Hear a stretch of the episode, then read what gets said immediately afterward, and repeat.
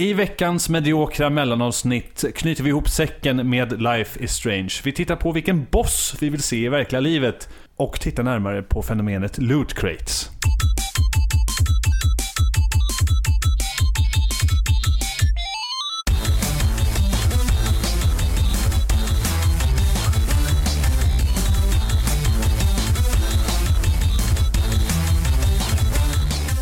Hej och välkomna till IGN Sveriges podcast, avsnitt 114 som vi har kommit upp i.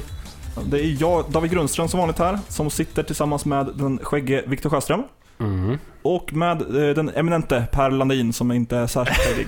Jag var lite rädd vad du skulle på mig med det där. Till exempel.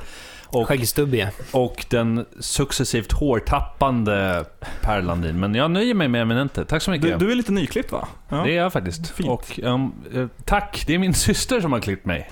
Faktiskt. Bra gjort Lite, Ninni. lite trim sådär. Ja. Jajamän. Varför Jag- spendera 300-400 spänn på en klippning när man kan få det av Per Landins syster Ja, istället. precis. Precis. Ja. Är det ett öppet erbjudande för att... Jag behöver... Jag vet inte, du får fråga henne faktiskt. Ja, får nog göra det. Ja, veckans avsnitt som vi har kommit till kommer inte handla särskilt mycket om bilar, tack gode gud. För det, det verkar inte ni, ni lys- lyssnare vara särskilt intresserade av. Vi har inte fått några kommentarer inte som känns, känns värda att ta upp i alla fall. Vi Nej, är jag, lite bittra över det. nej, jag är glad över det här, för det här bekräftar min teori om att bilar är eh, skit. Och det bekräftar min teori om att våra lyssnare har bra smak. Bekräftar min teori om att man inte ska kalla den för stora racing eller bilpodden utan rallypodden. Hade man kanske fått in lite fler, lite mer feedback, jag vet inte. Ska det behöva... Ja, nej, okej. Men... Eh, ja, vi behöver inte ha några kommentarer. Vi kan ju bara, bara ha det bra och bara gå vidare till den dumma frågan.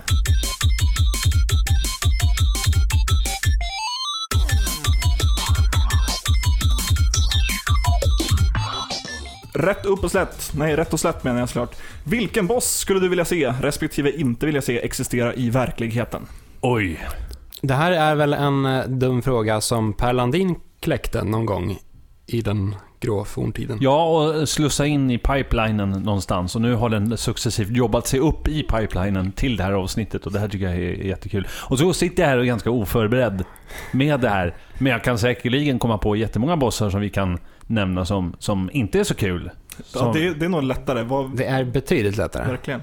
Pyramid Head skulle spontant vara ganska jobbig att se. Det var ganska mycket dimma i helgen. Var det i lördags kanske? Ja, det kan Ja, det vara. Det var sjukt mycket dimma. Jag var ute och cyklade lite på Järvafältet. Där var det jättemycket eh, dimma och det var även dimma i Sollentuna. Hade jag stött på Pyramid Head där någonstans på vägen, då hade, Ja. då hade det inte varit så jättekul. I lördags vaknade jag upp lite småbakis, drog upp eh, gardinerna till mitt fönster och så, såg någon skäggig lurv i dimman som gick ut med sin cykel.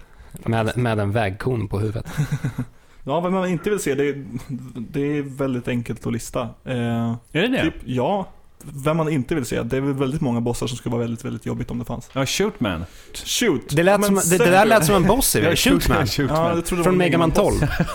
Eh, Sephiroth. Va- varför då? Han är lång och elak och hemsk och har ett långt svärd och är lite för Så lång är han inte. Det känns väldigt OP och väldigt jobbigt som man, om det ska finnas i verkligheten och bara mörda allt och bara vara hemsk. Fast känner ju, eh, vad säger jag, eh, Sephiroth känns ju som någon typ visual K-snubbe som skulle kunna hänga i Shinjuku eller någonting. Så Så, så länge han inte får träffa sin mamma han så skulle inte få arg. plats med det där 12 meter långa svärdet. Han skulle inte komma fram någonstans. nej. Men jag tänker, ni, ni tänker ganska smått ändå. Jag tänker i lite större, på lite så här apokalyptisk nivå. Det gillar man. Som att om de plötsligt skulle materialiseras i världen, så skulle det i princip betyda stundande domedag. Ja men till exempel eh, ploppa en Overmind i Göteborg. Till exempel. Fast är, är, är en Overmind Overmind en boss? Starcraft, Brood War. Ja, okej. ja. Ja. Mm. Men kan man kategorisera en Overmind som en boss? Det är ju en skurk, men man, det är ju aldrig någon bossstrid mot Ja men en okej, Overmind. okej. Jag, jag hör vad du säger.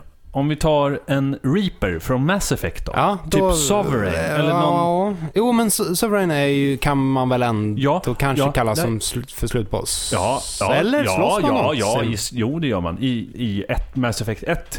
Ja men, är, ja, men är det en strid eller är han bara typ bakgrundsgrafik? Nej, men han... Som eh, krälar Nej, men runt alltså, på du, citadellet? ja, men du måste ju tänka så här, okej, sure. Han, han svävar ju utanför citadellet. Ja. Och sen så tar han kontroll, assuming direct control, över... Men det är tvåan. Ja, ja, ja, men det är samma princip. Ja. Indoktrinering. I alla fall så tar han över, vad heter han? Saren, tror jag. Darth Malak höll jag på att säga, men det är ett annat spel. Och så springer han runt som en typ... Men, men det är. Ja, men då, då är det ju snar, snarare han som är Jo, men det är, fortfarande, eh, det är fortfarande Reapern som kontrollerar, så att slutbossen Ja. har ju förmågan att göra så. Fast Och, är inte han bara indoktrinerad? eh, jo, det är men, men vi pratar inte om Saren, vi pratar om, om förmågan. Jag tycker detta är ett gränsfall. Ja, men trean då? För då slåss man mot en Reaper. Då, Ja. då står man ju med, för fan, laserkikare och, och siktar in. Och Åh, jag älskar Ja. laserkikare. Och är det rimligt? Är det något vettigt att ha i Mass Effect som annars var så himla bra i första spelet? Det är fantastiskt. Inte? Jag ryser bara tanken. Ja, i och för sig, Mass Effect 2 har ju också en, den här eh, förvuxna Terminator Ja, ja, Reaper-grejen. Det, det är ju en boss. Det, är det är en boss jag skulle kunna vilja se i verkligheten, för den är så himla värdelös och utgör inte ett hot. Det, det är lite... det- Det, Ja, är typ, ja, men då har vi det är typ lite... Jag, när jag ser den så tänker jag lite grann, alltså den här eh, Human eh, Reaper. Det, det är lite så här Dr. Wily-robot i 3D. Dr. Wowie? Dr. Wowie. eh, eh, från, från Mega Man-universat. För han, han är alltid slutboss med någon form av stor, stor mecka som ser lite dum ut. Ja. Eller någon form av rymdfarkost eller dylikt. Ja, jag skulle vilja, eller jag skulle inte vilja se Lavos i verkligheten, för där, där snackar vi apokalyps. Den dagen Lavos trillar ner från himlen, då, då det blir bara en det... igelkott. Stor Ja, igelkott. men det är en igelkott som, som typ orsakar en ny, eh, eh, vad heter det, istid. Och eh, sen eh, vaknar upp och sen bara skjuter lasertaggar och utplånar Och det är bara världen. ett hölje. det ifrån? Chrono Trigger. Eh, Har vi, men- har vi någon lite mer... Eh, från, nu har vi dro, droppat typ allt före 2000. Har Ja, och så typ, har vi, har vi droppat väldigt mycket vi inte vill se. Vad vill vi se? Jag vill se Human, Human Reaper från Mass Effect 2. Human Reaper från Mass Effect. Ja, vi måste kunna bredda vårt... jag skulle kunna... Vad vill vi se? Ja, vad vill vi se? Jag skulle mycket väl kunna tänka mig någon liten eh, kul rackare från eh, typ Megaman-universumet. Typ Galaxy Man från Megaman 10. Han är fullständigt värdelös. Han är Det är han väl inte? Litet ufo som har ett jätteförutsägbart attackmönster. Ja, men- han, han, Ett svart hål. I verkligheten, hur skulle det... mi- Som låter blaff och blaff och blaff och blaff. Det skulle vara som CERN. Slå, kolla upp det. det. Han låter precis så. Blaffa, blaffa, blaffa. Låter det när, när han skjuter.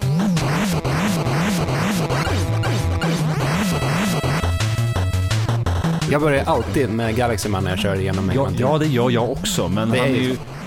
Grym bana. Eh, har du spelat? Fin, finns eh, hardcore mode i den? Det kommer jag inte ihåg. Det var ett tag sedan jag körde sist. Men finns det inga så här moderna spel? Något så här obehagligt? Slutboss är typ Amnesia. Så här, vad, vad är det för Eh, något? Det är ett det, nej, det- oj, jag får Det, inte det, det, jo, men vi, kör, vi kör på slutposten Amnesia. Det här är en spoiler. Har du inte spelat igenom Amnesia, vill du spela igenom det, så hoppa fram 30 sekunder från och med nu. Kör! Eh, slutbossen i Amnesia är Ett val. gubben som har byggt, byggt slottet och man välter två pelare och sen är över. Ja, men man kan ju välja. Man kan ju typ... eh, Man kan ju Ja, göra man lite- kan gå med eller inte. man kan men typ det- hoppa in själv och Ja, grejer. jo. Ja, Men vad har vi för moderna spel? Finns det någon så här minnesvärd slutboss efter 2010? Ja, senaste spelet jag klarade var Metal Gear Solid 5. Och återigen, vill ni inte höra om Metal Gear Solid 5 slutbossen så hoppa. Det vill inte jag göra. Aha, okej, då, då lägger vi ner här. Vi återkommer i en, i en Ja, senare det är lite för färskt podcast. tycker jag. Man vill ju undvika Ja, sådana men här jag- typ, jag med, tycker- som har gudalika krafter. men jag tycker vi spårar iväg från ämnet här. In, inte vilka bossar har vi spelat, utan vilka bossar vill vi se i verkligheten. Right. Ganondorf skulle vara ganska cool. Varför? För att han... Men jag tänker bara på saker som, är, som inte jag är jätterädd för att ha i verkligheten. En stor gris. Men om vi gör så här då, vi sätter, Någonting- lite, vi sätter ja. lite spin på frågan. Vilken spelboss skulle ni vilja ha som chef? Eh, eh, Albert Wesker från eh, Resident Evil. Motivera. Eh, För att han... Han får, han får skit gjort. Ja, va- jag måste hitta en bra anledning. Annat än att han bara är cool. Han har solbriller, vad fan. Han har solbriller på sig inomhus. Ja men man drar sig till folk med karisma. Men man gör ju det. Ja. Och han liksom, han leder ett framgångsrikt företag. Eller ja, det gör han inte, men han har jobbat sig upp i ett framgångsrikt företag. Han kan sin skit. Om man följer med honom så vet man att få, man får tacksamma förmåner, bra arbetsvillkor. Man kanske morfas till något så här riktigt... Man muterar till något sjukt. Men man vill ju utvecklas på sin arbetsplats. Ja, precis. Det Albert här Wesker. låter lite som Tomonobu Itagaki, men han vet ju faktiskt inte vad han gör. Och han har gjort dåliga spel. Det är mitt final answer, Albert Wesker. Ja, jag svarar... eh, Då svarar jag Roy Koopa av samma anledning. Han har solglasögon på sig inomhus. Ja, jag skulle vilja jobba under någon av profeterna i Halo. Jag skulle vilja vara en, en liten, liten grunt. Och, och få, få lyssna på den här stora karismatiska talaren som pratar om, om the great journey och få känna mig som del av ett, ett större projekt och inte som den lilla menlösa människa. Och som- prof profetstriden i Halo 2 är ju fruktansvärd om man kör på Legendary i co-op och behöver starta om varje gång en person dör. ja. Usch. Den är också kanon för att man hoppar på honom och sitter och slår honom tills han bara faller ihop. Ja, just det. Det är bra med knytnäven. Yes.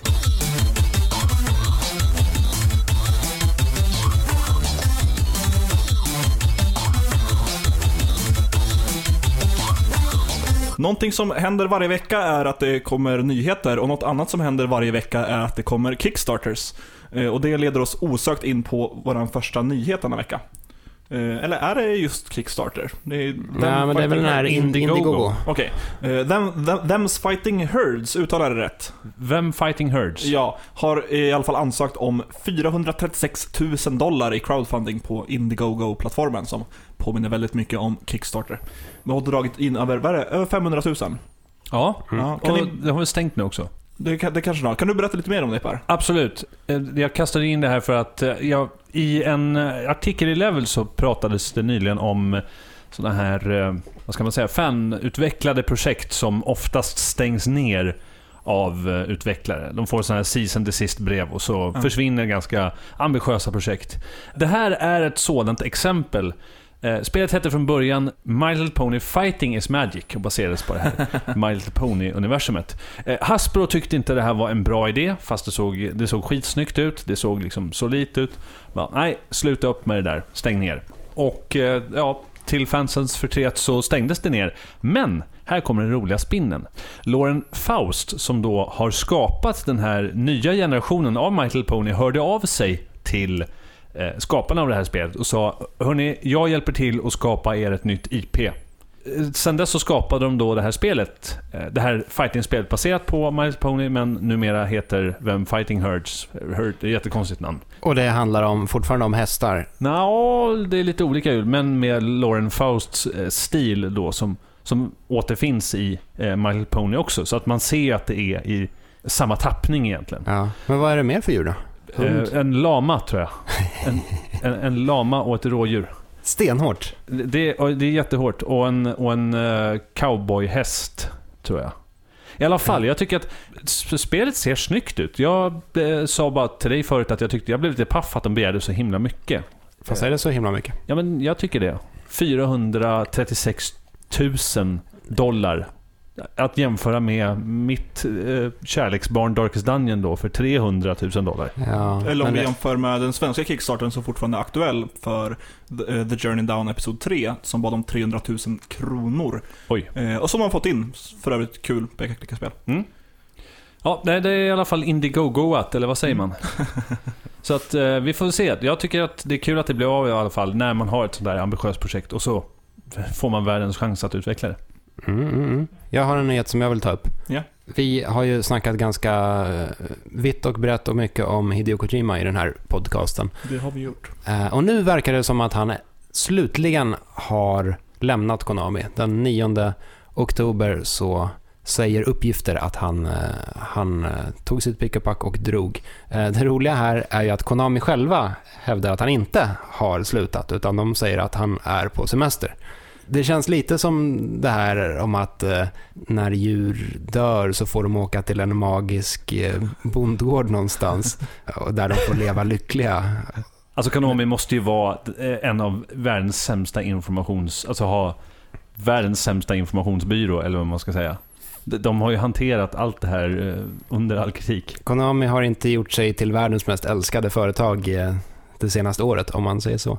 Det är väl dock så att Kojimas kontrakt går ut den, i december, eller att han inte får börja jobba med nya saker förrän efter december. Ja, men det är väl det mest sannolika, att de har släppt honom redan nu, men han är under kontrakt och kanske inte får utveckla något fram tills dess. Han sitter i karantän till, Sitter i karantän. till eh, årsskiftet. Att han har lämnat i alla fall, det, det finns ju ett bevis. Jag har för mig att någon hade tweetat ut ett foto på hans Ja, finns det avskedsfest. bild när han står och gör en skål. Jag, jag gillar ju, det finns ett eh, parodikonto på Twitter som eh, utger sig för att vara Kaz Hirai, eh, Sonys eh, gubbe, men eh, det är ju inte han. Och han skriver att eh, Konami Konami går ut med att Kojima bara är på obetald eh, permanent semester. Och det, det är väl kanske, kanske där någonstans det sanningen ligger. Man vill ju att den här historien någonstans ska ta slut så att de kan sätta igång och utveckla. Jag tycker, jag tycker det är så jobbigt också när man ser eh, Del Toros meddelanden titt som tätt eh, dugga över oss och ser verkligen att här hade de ett, ett, ett bra projekt ihop och Ja. allting bara fimpades. Så det känns ju som att, ja någon gång så hoppas man få en förklaring till varför Konami gick bananas. Ja. Men eh, just nu är det bara sorgligt. Ja, speciellt med, med Silent Hills där. Ärligt talat så är ju PT förmodligen ett av de bästa skräckspelen någonsin. Och det hade kunnat bli bra, men det blev, blev inget av Silent Hills. Eh, Det om det. Har vi några fler nyheter på Det- lager? Det har vi. Bland annat att Square Enix har släppt en företagsrapport som pratar om att de vill göra nya saker med gamla varumärken och bland annat virtual reality. Det borde ju tala till dig Viktor. Ja, det var jag som skrev in, skrev in den i, i pipelinen. Ja. Det här är ju ganska roligt. Jag gillar ju virtual reality och jag bruk, brukade i alla fall gilla Square Enix-spel. Varför inte Så- nu? Jag gillar, jag gillar många av spelen de ger ut, men jag gillar inte så många av spelen de själva producerar, om man säger så. För jag tycker inte att japanska rollspel är så jätte, jättespännande längre. Eh, Men om man kollar bakåt i Square Enix eh, katalog så hittar man en hel del roligheter eh, som man skulle vilja se i VR. Om vi brainstormar runt lite här, vilket är det ultimata Square Enix-spelet? Och du får inte säga Final Fantasy 7. Nej, då får jag säga att typ det enda som jag kommer på det är Star Ocean. Någonting. Och Oj, jag- vilk, vilken, vad, vilken Eh. scen skulle du vilja se i VR? eh, sta- scen. Ja, alltså Ehm, vad är det som eh, gör kombinationen Star Ocean och VR så Jag, ja, jag vet inte, egentligen inte speciellt mycket, men det jag kan tänka mig att jag vill se är ju eh, att stå på en eh, kommandobrygga på Kalnus, som är rymdskeppet som huvudpersonen ja, verkar på lite då och då. Och det finns en scen där i princip det bombarderas av en, ska vi säga dödsstråle, och de desperat försvarar sig in till sista energidroppe eh, försöker omkalibrera sköldar på det för att mota bort den här dödsstrålen. Jag tror att det hade varit en ganska ball scen att få stå på bryggan och vara del i, i hela det händelseförloppet. Mm. Jag säger så här, mitt emellan Taide Sujuna under skrattscenen. skrattscenen i surround. Om man ska använda det som tortyrmetod i Guantanamo Bay, då tänker Det, jag... det jobbiga med den scenen också, det är att det här fick jag veta av min kompis Magnus, att scenen på japanska är ju precis lika bedrövlig. Alltså det finns ingen, ingen bra tolkning av den scenen någonstans. Kanske på något annat språk. Kanske i VR i kanske, framtiden. Kanske i spanska i VR. När man får stå och vara med och skratta. Franska kanske. Ho, ho, ho, ho, ho. Ho, ho, ho. Eh, vi, eh, vi ser med spänning fram emot vad Square Enix gör med VR och sina varumärken. Mm. Sista nyhet då? Vill vi prata om Nintendo NX kanske? Ja, lika bra. Och det är ju då enligt eh, Wall Street Journal så har Nintendo börjat skicka ut utvecklingsenheter för Nintendo NX. Alltså deras kommande konsol. Och enligt uppgifterna så planerar Nintendo en stationär konsol samt minst en bärbar konsol som också ska kunna användas tillsammans. Det sägs också att Nintendo ska använda ledande teknologi i NX efter kritiken om att Wii U inte kunde matcha prestanda hos konkurrenterna. Det skulle ju faktiskt vara kul att se att en Nintendo-konsol släpper någonting som faktiskt har lite kraft i sig. Så det kändes som att de försökte skryta om med Wii U. För att det var lite, lite Ja, men ett, starkare ja, än ett typ PS3. litet, ett kort tag så var ju Wii U det fetaste man kunde ha. Mm. I och med att den var marginellt bättre än PS3 och 360. Det känns som att det är lite sent, är det inte det? Alltså, det går ju många rykten om att NX ska visas på E3 2016. Mm. Om de skickar ut utvecklingskits nu, borde de inte ha gjort det lite tidigare? Jag vet inte, jag tänker bara högt här. De kanske har haft utvecklingskit sen tidigare och så visar de bara upp Nintendo-titlar på E E3. De kanske hade utvecklingskit tidigare och så får de fler. Nu, nu är jag lite elak förvisso, men baserat på, på deras historia. Mm. Har inte Nintendo en historia av att vara lite sena på bollen? Jag tänker till exempel på det här med Rörelsekontroller. att eh, ihärdigt inte vilja släppa kassett. Både- Eh, både- Kassettens överlägsenhet. Både, både ja och nej. De går ju sin egen väg.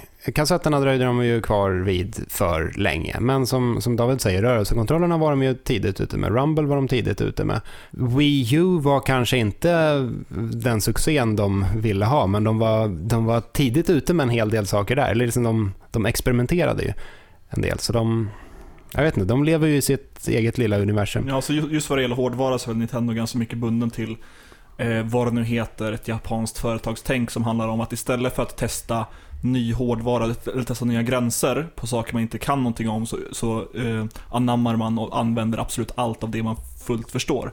Eh, vilket är en bra förklaring till varför Wien såg ut som den gjorde. Eh, de testade väldigt mycket med hur man kunde göra med hårdvara som egentligen liknade den förra generationen ganska mycket. Och det kan vi se med Wii U också. Ärligt talat så behöver, jag, jag, jag känner inte att jag behöver ett teknikmonster från, från Nintendo. Alltså, jag, jag, är, jag är jättenöjd med Wii U. Det är inte prestandan i Wii U som är problemet. Problemet är att det inte finns spel till den. Ja, det är väl egentligen Wii be beviset på just att, det är att den här, vad ska man säga, tekniken, eller inte tekniken, den grafisk, grafiken Mm. inte är ett måste. Utan du har leverantörer i ryggen och du har ett Ja, ja, absolut. koncept. Wii U blev ju en braksuccé, sålde över 100 miljoner Wii? exemplar. Jag menar Wii, inte eh, Wii. med Wii, precis. Uh, Sa jag Wii U? Ja. Nej, Ja. usch. Fy på mig. Uh, Wii U blev en jättesuccé trots att den var... Nej, så det Wii igen. Men, Vi tar det här igen. Fan. Wii. nej, jag lägger ner. Eh, Nintendo, gör vad ni vill.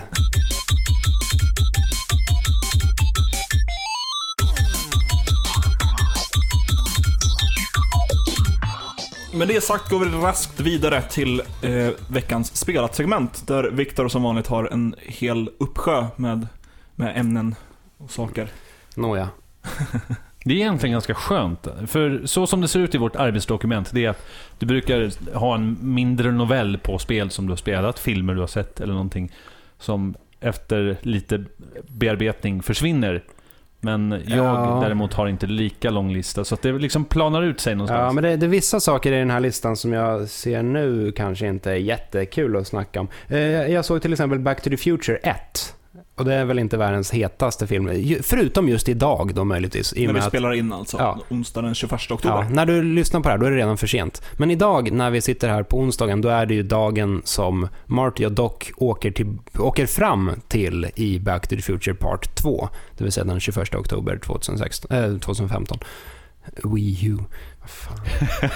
eh, och ja, jag tycker Back to the Future fortfarande är en jättebra film. Eh, Men, men alltså, om man jämför då framtiden i filmen kontra idag. Mm. Vem har så att säga mest high-tech? Vem har roligast? Vi har en hoverboard nu. Inte fullt lika bra hoverboard som, som i filmen.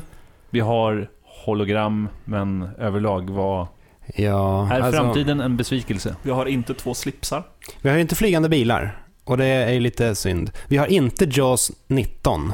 Hajen-filmerna lades ju ner efter ett tag där och det är synd. Eh, Däremot såg ni att eh, Universal har gjort en trailer för Jaws 19? Fan, nej. Alltså det är jättemånga som har hakat på den här Back to the Future-vågen. Och de har eh, officiella Universal YouTube-kontot, där ligger en, en ja men, inte, ja, kanske inte trailer, men snarare så här, de beskriver Jaws 1 till 18 inför premiären av Jaws 19. Och, och Jaws 19 är alltså en film som dyker upp i eh, Tillbaka till framtiden. Ja, i form av ett hologram som tittar ut genom en biograf. Så kolla gärna upp Jaws 19 på YouTube. Det, är, det, det rekommenderar jag er alla att göra. Innan vi fortsätter vill jag bara shamea Per lite grann som Ja, men på fan? Twitter skrev att, att du har inte sett någon av Tillbaka till framtiden-filmerna. Ja, det stämmer. Vänta, va? Oj då. Och det är bra att du tar upp det. För att jag glömde bort att jag hade gjort den här tweeten där jag säger att eh, jag, jag går ut och säger att, eller jag kommer ut ur garderoben och säger att jag har inte sett någon av eh, Tillbaka till framtiden-filmerna. Och så glömmer jag bort den, att, eh, att jag gjorde den tweeten. Twitter ligger borta en stund, sen jag kommer typ tillbaka vid lunch och så säger jag så här, du har typ tio nya meddelanden och jag får hjärtklappning. Vad fan har jag gjort? Eh, Någon skriver, eh, du är död för mig. Och, och jag, blev, eh, jag blev livrädd. Vad har jag Vad, vad, eh, vad är det som hänt? Har jag, har, har jag liksom... jag- vet inte. Och så, just ja, jag gjorde den där tweeten. Ja, ja, men det är ju uppskattade filmer. Och de, de är ganska tidlösa också. Så jag tycker absolut att du kan sätta dig ner och kolla på dem Ja. idag, om du inte har, inte har sett dem. Eh, Jag har spelat lite andra, eller jag har gjort lite andra saker som inte är så jätteaktuellt. Jag har, sett, eller jag har spelat spelet Flower. Så Igen. Blomma eller eh, Blomma. mj- mjöl, vad heter det? Flower. Ja, Blomma. Journey... Ja, Journey-prototypen kan man väl säga. Man spelar som, eh, ja, vad nu är, antingen vinden eller ett blomblad. Vinden kanske Jag har inte spelat det, jag bara tänker. Ja, det är ett jä- jättefint spel i alla fall som jag rekommenderar alla att spela. Eh, och det är från eh, tusen år tillbaka, så det, eh, kör, kör gärna det. Eh, skala? Ja, för, för vad det är tycker jag att det är jättefint. Så 10, 11, någonting sånt. En, en tio klöver, elva klöver. Ja, ja, det är vackert. Eh, Jag har spelat lite Triforce Heroes, alltså det vill säga det nya Zelda-spelet, men inte tillräckligt mycket för att kunna recensera det känner jag. Mm. Jag har kört kanske ett, två tempel eller så. Körde tillsammans med eh, Daniel Air och eh, Jonas Högberg. Eh, och det är ju för jävligt vad svårt det är att samarbeta i det där spelet. Det är alltså ett multiplayer Zelda när man spelar som tre link, linkar, linkar, I stil med Four Swords fast fast tre tre. istället för, fyra. Free Swords. Ja, och det bygger ganska mycket på att en link ska lyfta upp den andra och den tredje linken ska lyfta upp de båda första, så man ska bilda en slags mänsklig totempåle. En mänsklig link. Ja, Varandra. det finns, det finns någonting där. Och med hjälp av, ge- genom att lyfta upp varandra så här så kan man kasta upp varandra på till exempel bossar eller på avsatser eller lite här och var. Och det är väldigt svårt att få det här att flyta ordentligt. Nu spelade vi inte jättemycket under min session. Men nej, det är väldigt, väldigt bråkigt och väldigt skrikigt. Ganska kul, eh, men det är väldigt kaotiskt eh, innan man har hunnit spela ihop sig. För det är ett spel man måste jobba ihop. Du kan inte spela solo i grupp om I- du förstår vad jag menar. Alltså det går, det går att spela spelet själv eh, och då får man, jag tror att det är AI-kompisar eller folk, det eller inte folk fo- man kan styra. Är det inte formationer så som Four Swords? Jag tror inte det. Jag, jag har inte kört det Vad, själv. vad jag menar är själv. att om du sitter ner med kompisar så måste du ha ett samarbete. För att få det Jaha, du kan inte ränna iväg på ett eget där. Nej. Nej, nej, det, det funkar inte. Utan det, det bygger mycket på pussel som man ska vara tre på. Och bossarna måste besegras med... Det finns en boss till exempel med, som har tre olika färger på sina knölar. och så får rätt link gå fram och peta lite på sin knöl. Kan det skapa osämjor? Jag tänker till exempel om det är tre stycken som levererar och den fjärde spelaren bara är så dålig. Och då sitter man och typ Ja, facepalmar och blir Det gör ingenting för man behöver bara vara tre. Då kan en fjärde sitta där. Ja, men vänd på det då. Om det är två som är bra och en som är dålig. Ja, då så. Då, då blir det svårare. Då blir det svårare. Eh, Det är alltså, ha- har man en riktigt dålig spelare, då blir det väldigt svårt. Faktiskt. Det känns inte lika episkt som Four Swords på något märkligt sätt ändå gjorde. Four Swords var väldigt lattjo, men det kändes ändå hyfsat storslaget och pampigt. Och det gör inte det här. Och det är lite synd. Det låter lite tråkigt. Zelda brukar ju vara bra på det. Ja, det här är mer så här, det är schyssta pussel men de är i, i, av, eller liksom i isolerade miljöer. Ja. Ja, och det, det kan, det, det, det, det är inte optimalt känner jag. Okej. Eh, Jag vill inte sätta ett betyg på det spelet. Sen såg jag lite snabbt också Terminator Genesis, äntligen. Jag hade verkligen avgrundslåga för, eh, jag ska inte ens säga för förväntningar. Ja, Åsikter. ja, Och det För verkar 200 det, det, det är du inte ensam om. För att det här som skulle vara planerat att bli en reset på hela serien eller hela universumet kommer läggas ner. Det blir ingen fortsättning på det här. nej, vad det det, verkar som. Det är väl så att den här har dragit in mindre pengar än vad de väntade. Jag har inga exakta siffror i huvudet, men jag har för mig att den inte alls blev den succén som, som eh, de hoppades på. Eftersom jag hade så otroligt låga förväntningar på den här, så eh, jag får väl ändå på något sätt säga att jag inte riktigt blev besviken. Det är en helt schysst rulle. Det är en okej rulle. Ja, nej, det vet det fan. Med en kebabpizza och en cola en sen kväll när man inte har något bättre för sig. Ja. Så är den helt okej. Har du också sett den? Nej, jag, vet, nej jag, bara var- fyller, jag bara fyller i åt dig här. Ja, alltså, ärligt talat så vet jag inte om den är så mycket sämre än trean och fyran, för jag tycker inte att de heller är speciellt bra. Ettan och tvåan är fantastiska, trean och fyran, det är bara actionscener.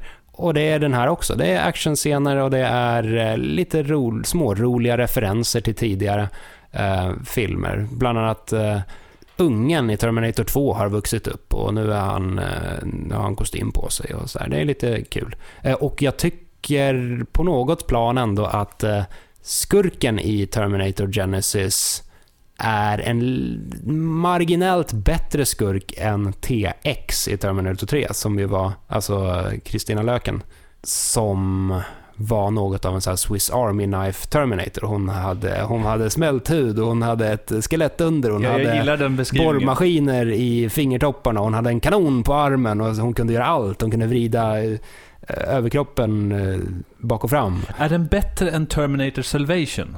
Som Är jag det- tycker var helt okej på bio. Helt okej på bio. Ja, den är väl kanske jämförbar ändå. Anledningen till att jag säger att den är helt okej på bio, det är för att jag vet att jag i efterhand har sett filmer som till exempel Guardians of the Galaxy på... Som inte alls var okej den andra gången man såg dem Nej. utanför bio. Och samma sak med X-Men The Last Stand och what not. Mm. Men Arnold, leverera Arnold. Ja, han är lite smårolig, det är han ju. Ehm, och lite smågammal. Men, eh, Men det finns ju en ung också. Ja just det.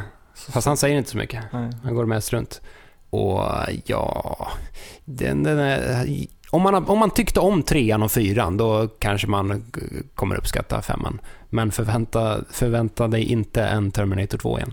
Det är mitt råd. Eh, sju av Oj. 13, Oj, kanske? Aj. Ja. Ja. det är godkänt ändå. Helt okej, skulle jag säga. Helt okej på bio.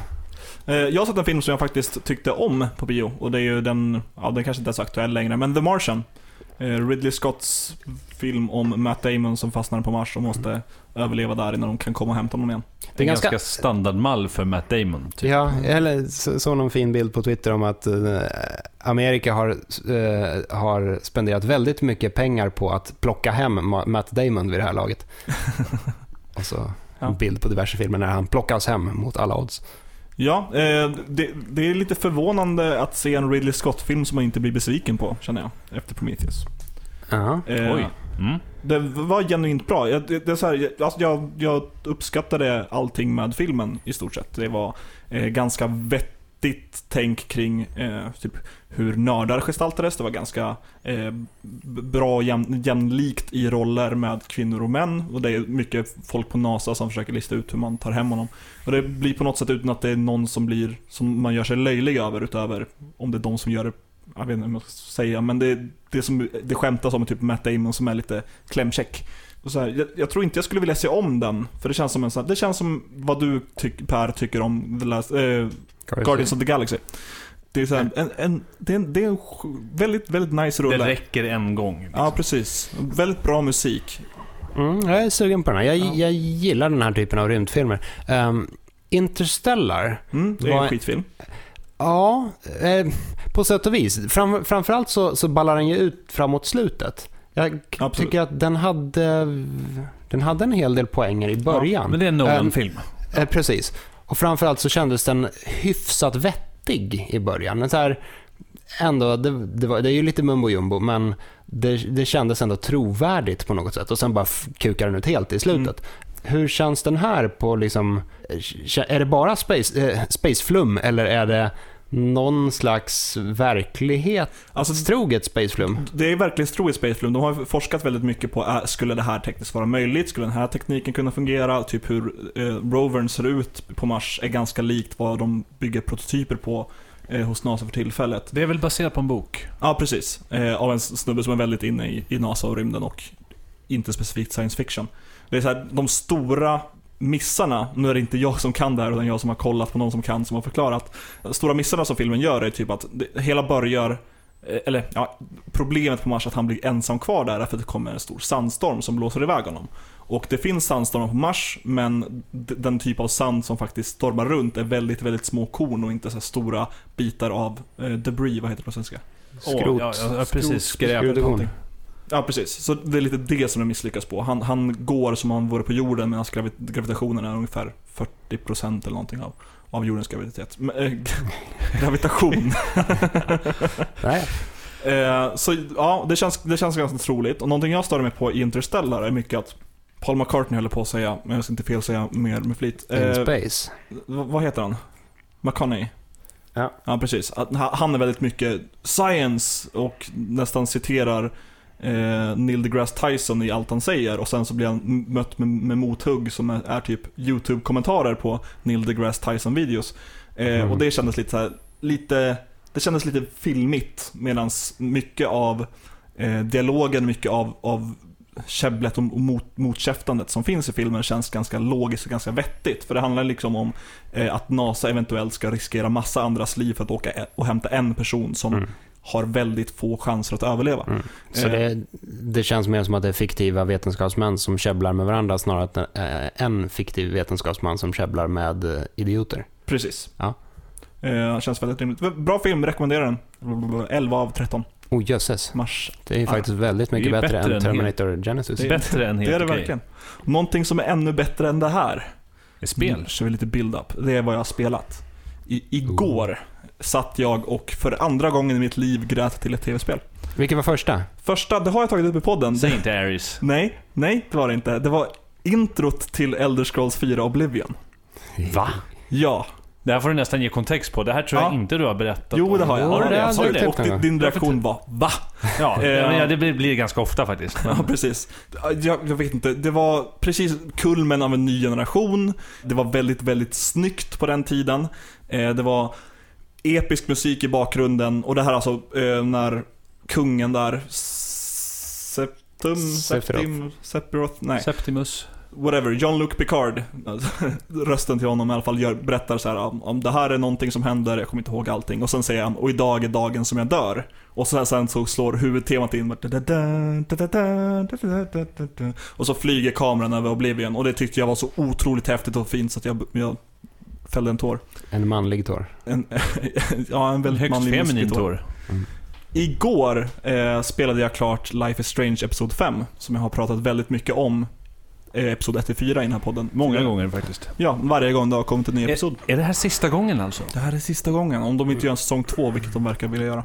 I och med att du har snackat om det här spelet i typ ett halvårs tid eller någonting sånt så, så ger det ju illusionen av att det tar ungefär så lång tid att spela spelet. Ja. Så nu känner jag så här, hmm, det är uppenbarligen tillräckligt bra för att man ska gråta, gråta lite i slutet, men Ja. det kommer ta mig ett halvår att klara. Är det Ja. värt det? Men det tar ju inte ett halvår egentligen, nu när alla episoder är ute. Det tar ungefär kanske 2-3 timmar per episod. Jag tog mig kanske två och en halv, men nu är sista. Mm, och det är ganska dåligt i mitten. Ja, precis. Man tröttnar väldigt snabbt på själva spelmekaniken, men sen är det verkligen storyn som tar över väldigt mycket och berättandet och det ämnen som de väljer att behandla i, i eh, spelet. Om du, ger, om du ger den snabba resumén, eller kontexten Ja. för det här. Sammanfattar. Max Clawfield, typ 18-19-årig tjej som går på en, en, eh, ett college för typ konst. Det är mycket foto som hon är inriktad på. Hon upptäcker att hon har eh, kraften att spola tillbaka tiden. D- detta under ett, ett chockerande första moment när hennes gamla kompis håller på att bli skjuten.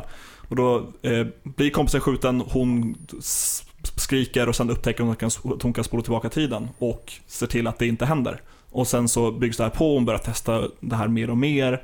Man använder det för att låsa upp dialogval, för man lyckas lista ut någonting som någon vill höra och så kan man ta upp det innan de gör det, så förstår man väldigt mycket och så eh, tar man sig vidare på det sättet. Och det är intressant till en början, blir ganska gimmickigt snabbt, eh, men det känns verkligen som att det fyller en funktion ju längre in man kommer i spelet. När man är okej med att det är lite återkommande. Det försvinner ganska mycket, det är just återkommande delarna.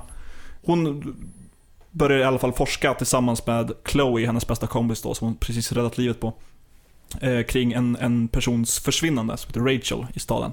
Och det här leder då in på att de börjar misstänka väldigt många personer som beter sig lite, lite snubbigt, elakt och hemskt. Eh, många av de här som sen får de här karaktärerna som byggts upp från riktiga, som riktiga svin från början får helt plötsligt en personlighet och man får man kanske inte riktigt förlåter dem och kan knyta an till dem men man kan på något sätt lista ut varför deras beteende har varit som det varit. Och det, det blir så himla fint i slutet och man ställs inför ett väldigt, väldigt svårt val. Och jag tror jag nämnde tidigare när jag pratade om det här spelet att det, det bygger vidare ganska mycket på vad Telltale har skapat, kanske speciellt med The Walking Dead. Och de här svåra valen och det är lite tidspress och och Dontnod som gör det här spelet gör det så otroligt mycket bättre. Det är verkligen de som är toppen av, av, ja, Toppen av cool. av cool, toppen av cool, crème de la crème av sådana här episodbaserade, valbaserade spel.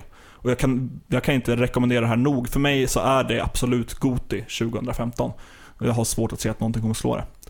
Och ja, slutet fick mig att inte fälla en tår utan att börja böla.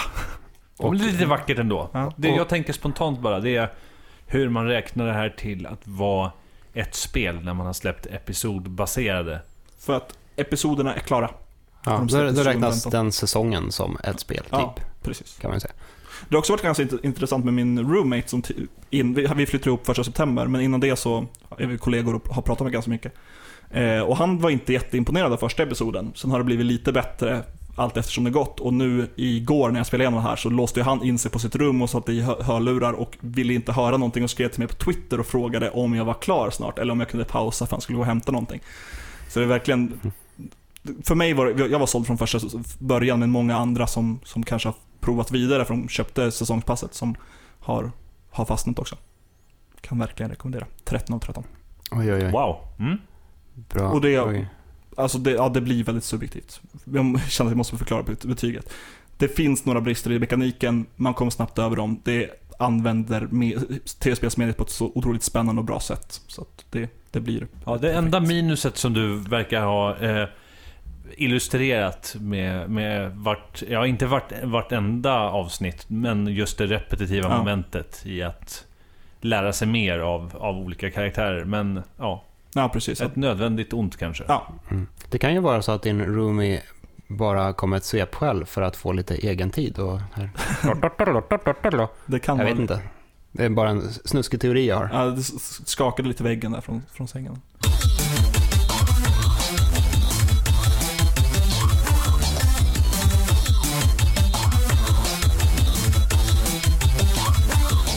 Ja, det är inte varje avsnitt som vi kommer till segmentet ämne, men eftersom ingen, ingen tyckte om oss förra avsnittet så har vi ju kommit hit idag.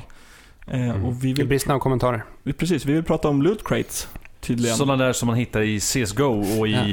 I eh, Team Fortress. Mest, mest av allt är det väl jag och Per som vill ha en liten så här, eh, Ni vill in- sitta och prata med mig. Ja, för det är väl så att du prenumererar på sådana här loot Det stämmer. crates. Jag, jag känner, jag blir ju lite provocerad av loot crates. Jag Jag har, bara jag, dra kontexten Ja, vi- ja, ja, när, när, vi hörde, när jag hörde det här att vi skulle ta upp, då trodde jag att det, precis som jag sa, att det var det här. Det här är grejer som Valve kör och att man låser upp med nycklar, men så är det alltså inte fallet. Nej, Loot Crates är en eh, prenumerationstjänst där, man, där jag i stort sett ger dem 12 dollar för kanske 6 dollars värde varje månad. Då får jag hem en liten en kartonglåda med ett tema. Till exempel Halloween eller rymden eller eh, skurkar eller comics. Så kan det vara allt från en, en t-shirt, en liten eh, leksaksfigur, kan vara en eh, Pikachu-mössa. Exempelvis, som jag har på mig när jag är sjuk och inte när du är sjuk ja, och tweetar ute. Eh, och det, jag tycker det är, det är lite småkul. Vissa har varit väldigt dåliga och saker jag verkligen bara slängt. Eh, vissa saker tycker jag är jättecoola och har, ställer upp på eh, jobbet vid mitt skrivbord och tittar på. Ja. Men du blir provocerad av det här Viktor Sjöström. Jajamän. Alltså, man, man kan ju börja prenumerera på det här på uh, lootcrates.com va? Mm. Och det är flera i min, mitt flöde som gör det. Och det liksom dyker upp då så här, den här personen gillar loot crates. Eller så här, titta, nu har jag fått en loot crate. Ja. Och jag känner bara att så här, det här är verkligen höjden av bara att äga saker och få saker bara för sakens skull. Ja. Det, det, ser, det ser verkligen inte ut att vara saker som, som man vill ha. Det är bara ja, men så här, pryl, prylrunkande som jag, Ja. som jag absolut inte kan relatera till själv. För jag är, jag är personligen ingen prylmänniska och då jag, jag, kan inte, jag kan inte koppla till, till varför man skulle vilja Det är utsätta ett sig för det. materialistiskt överflöd. Och Ja, du, men- du säger David att Det du är kulmen slänger... av kapitalismen. Ja, du säger att du slänger saker. Ja. Och innan du... Jag måste få ge min syn på det också. Absolut. Jag vet inte om jag är, eh, blir lika... Det är resursslöseri. Jag, jag, jag, är glad att det är inte jag som är eh, arg utan det, är- Ja, det är Viktor. Det är jag som är. Jag håller med honom att det är ett det är resursslöseri. Det jag spontant tänker på, det är när jag skulle köpa en julklapp. Eller jag tror... Ja, jag skulle köpa en julklapp när, jag var, när jag var yngre. Och så fanns det ett sånt här, en, en marknad. Och ett av stånden hade Köp en hemlig julklapp för, 20, eh, för eh, 200 kronor. Åh, stackars. Och, och jag tycker det är lite samma sak. I alla fall i det här eh, paketet. Du köpte den? Eller? Eh, ja. Eh, i. I det här paketet så var det en eh, kyrka med små djur. och det här tycker jag är lite samma sak. Grattis, Som- du får kristendomen. Loot crates. Ja. Så jag antar att den stora frågan egentligen från både mig och Viktor är varför? Ja. Är den stora behållningen att få prylar eller att typ öppna paketet? Eller vad, alltså, vad är tjusningen med Jag kan absolut inte tala för alla som... som... Jo, men nu... Du köper ju skiten! Du, du ska ställas till svars! Ja, men du, du tänker komma till varför jag köper skiten. Jag kan absolut inte stå för alla som har loot crates. Och det finns många som tycker om det väldigt mycket. Sen finns det andra som kanske bor någonstans i Sollentuna och är med i en viss podcast som eh, så, läste om, om Loot Crate, såg innehållet i en och tänkte ah, det var lite coolt. Och så satte den här personen kanske igång en, en prenumeration och så kanske hen fick hem en, en, låda och det kanske var lite småballa saker i den som fortfarande står upp, uppställt och är lite fint, lite dekoration hemma och så kanske det kom en till som inte var så bra men det var lite jobbigt att gå in på hemsidan och, och unsubscriba och så kom en till som var lite bra igen och så har man liksom bara inte... Om, om, det här låter väldigt svävande. I en procentuell sats, hur mycket har du kastat? Är det över 50%? Ja. Aj. Ja. Hur mycket kostar prenumerationen? Jag tror det är 12 dollar per månad. 12 dollar, det är alltså lite över 100 kronor. Något sånt. Ja. Varför Nej. köper du inte något fint själv istället? Köp dig något, något, något du har förtjänat för 12 dollar. Ja. 12 do dollar? Vad var det för en... Jag vet inte, jag har ingen aning. Dollar? om om det här ska vara en riktig intervention så vill jag att ni sitter och läser upp brev där det står hur mycket ni, ni bryr er om mig som person och att ni inte tycker att det här är ett okej beteende. Alltså det är inte så mycket att vi bryr oss om dig som person. Det, det är det att vi blir provocerade av, av, dig, av ditt beteende.